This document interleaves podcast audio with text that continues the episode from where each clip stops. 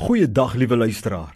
My naam is Kobus Tron en u is ingeskakel by die program Meer as oorwinnaars. Ja, met my hele wese is ek daarvan oortuig dat die God wat ons dien, ons Abba Vader, sy kinders wil help om werklik waar meer as oorwinnaar te wees te word en te bly in elke area van ons lewe, suksesvol en gelukkig, triomfantelik saam met God. Deur dik en dun, deur storms deur, wil God ons help, altyd ondersteun. Dis die God wat ons dien. Dis ons Abba Vader. Ek is hierdie maand besig om met julle te praat oor 'n saak wat die Here op my hart gelê het en dit is eenheid. En ek het met julle die vorige sessies gepraat oor die belangrikheid van eenheid wat die woord van God sê min of meer oor eenheid en alles dui daarop aan dat dit 'n geweldige lewensverrykende waarde is om te strewe om in ons huise en by ons werk en by die gemeente en in ons gemeenskap altyd te strewe om eenheid te bewerkstellig. Natuurlik in die band van liefde en die band van wat reg en geregtigheid is en wat die wil van God is. Maar ons moet altyd in ag neem dis God se hart om vrede te maak, om te versoen, om eens gesind te wees. Nou in hierdie sessie wil ek graag met julle begin en ek wil 'n paar tips vir julle gee, 'n paar sleutels wat eenheid help bewerkstellig in 'n werksplek, in 'n span, by 'n familie, in 'n gemeente. Die heel eerste ene is hierdie. Luister aandagtig. Ken die lewensverrykende voordele van spaneenheid. My vriend, ek herhaal, ken die lewensverrykende voordele van eenheid. Hoe meer 'n mens die kennis dra van hierdie lewensverrykende gevolge van eenheid, hoe meer outomaties streef jy daarna en wanneer daar nie eenheid is nie, werk jy daarna om dit so vinnig as moontlik weer te versoen en te herstel, want jy weet wat is die voordele en wat is die nadele as daar nie eenheid is nie. Hosea 4 vers 6 sê hierdie woorde. Hy sê my volk gaan teen gronde weens gebrek aan kennis. Met ander woorde, hulle het nie die kennis van wat die krag van eenheid is of enige ander waarheid van God nie. En nou doen hulle wat hulle wil doen. Maar wanneer ons die kennis dra van die voordele, dan help dit ons. Dis soos Jesus sê in Johannes 8 vers 32, julle sal die waarheid ken en die waarheid sal julle vrymaak. My vriend, wanneer 'n mens weet wat die voordele is van eenheid en jy streef daarna, dan word jy vry en jy bly vry, want jy weet dat jy weet wat is die voordele. In die vorige sessie het ek met julle gepraat oor die voordele en nou wil ek dit net weer noem ter herinnering. Onthou dit, waar daar eenheid is, is 'n groter mate van harmonie en samewerking. Dit is 'n meer aangename werksplek. Daar is mense meer gelukkig, meer gefokus, meer produktief Daar's beter onderlinge verhoudinge, langtermyn onderverhoudinge. Daar's 'n beter verhouding met God. Mens weerstaan die bose. Mens behaag en verheerlik God. God gebied sy seën en daar's beter resultate, 'n groter mate van sukses en geluk.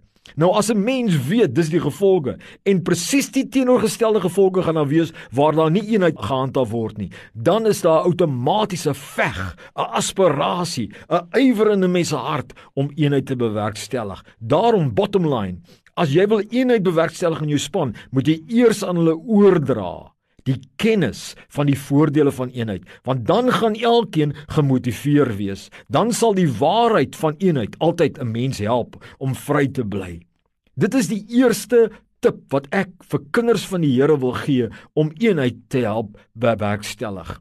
Maar my vriend hier kom 'n tweede ene wat geweldig belangrik is in my oë en wat kinders van die Here gaan moet leer. Net soos ons van alkoholmisbruik moes bekeer het, repent het. So is hierdie tweede ene 'n baie belangrike ding waarvan baie kinders van die Here sal moet afstand doen. En in hierdie tyd meer in die liefde en in die vrese van ons God. En dit is moenie agteraf kritiseer nie.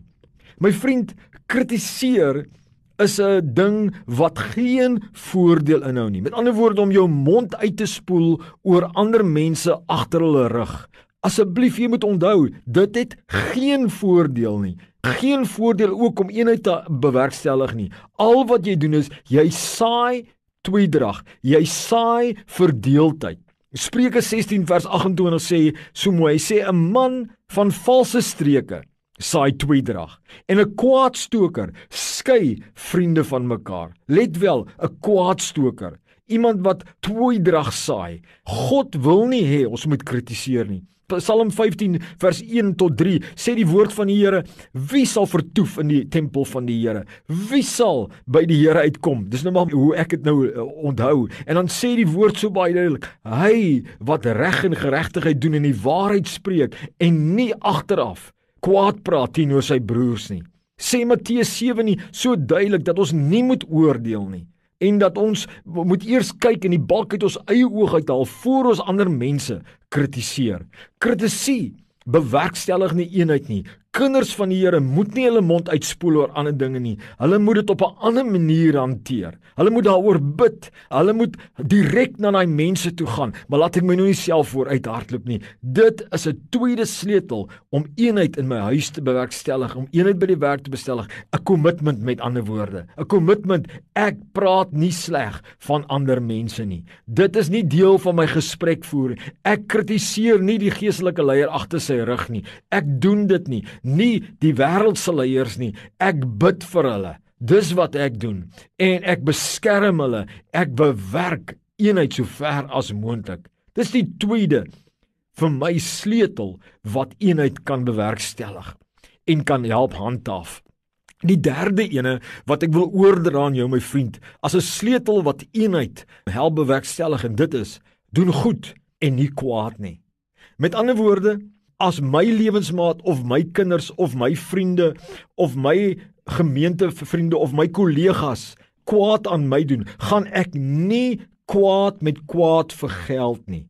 Ek bly goed doen aan my naaste, want ek weet dit is eerstens die versoenende manier om op te tree. Met ander woorde, as ek kwaad met kwaad vergeld, gaan hierdie ding net erger raak en ek gaan definitief nie eenheid handhaaf nie.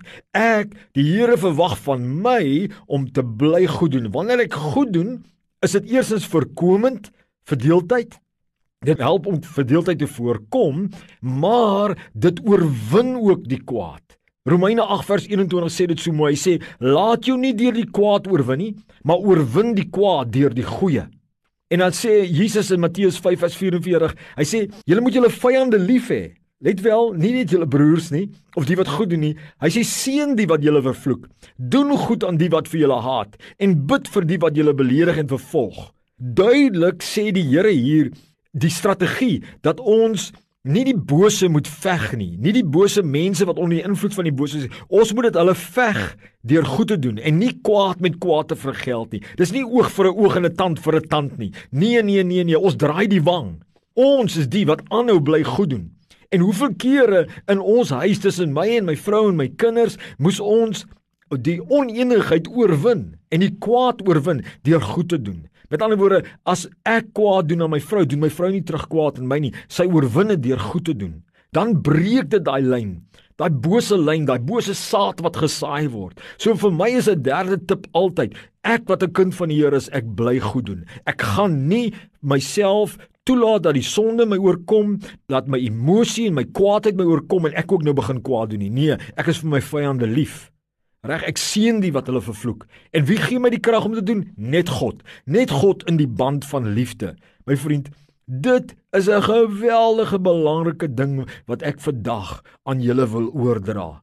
Met ander woorde, drie sleutels vir dag wat ek wil hê jy moet onthou. Die eerste ene baie baie duidelik wat ek wil deurbring ken die lewensverrykende voordele van spaneenheid. Onthou dit. Deel dit met ander, dan sal hulle ook na eenheid handhaaf wanneer hulle weet wat se voordele. 2 Moenie agteraf kritiseer nie. Moenie maak 'n punt om nie iemand te wees wat backbite, kwaad praat, slander. Moenie. En derdens, hou jy aan om goed te doen en nie kwaad te doen nie. Hier is 3 baie belangrike sleutels wat vir jou kan help om eenheid by die huis en by die werk te bewerkstellig en by die gemeente. O my vriend, mag die Here jou die krag gee want jy kan sien, dan gaan ons almal ons volle potensiaal uitleef. Dan gaan ons die drome en die doelwitte van God waarmaak in ons lewe. Amen.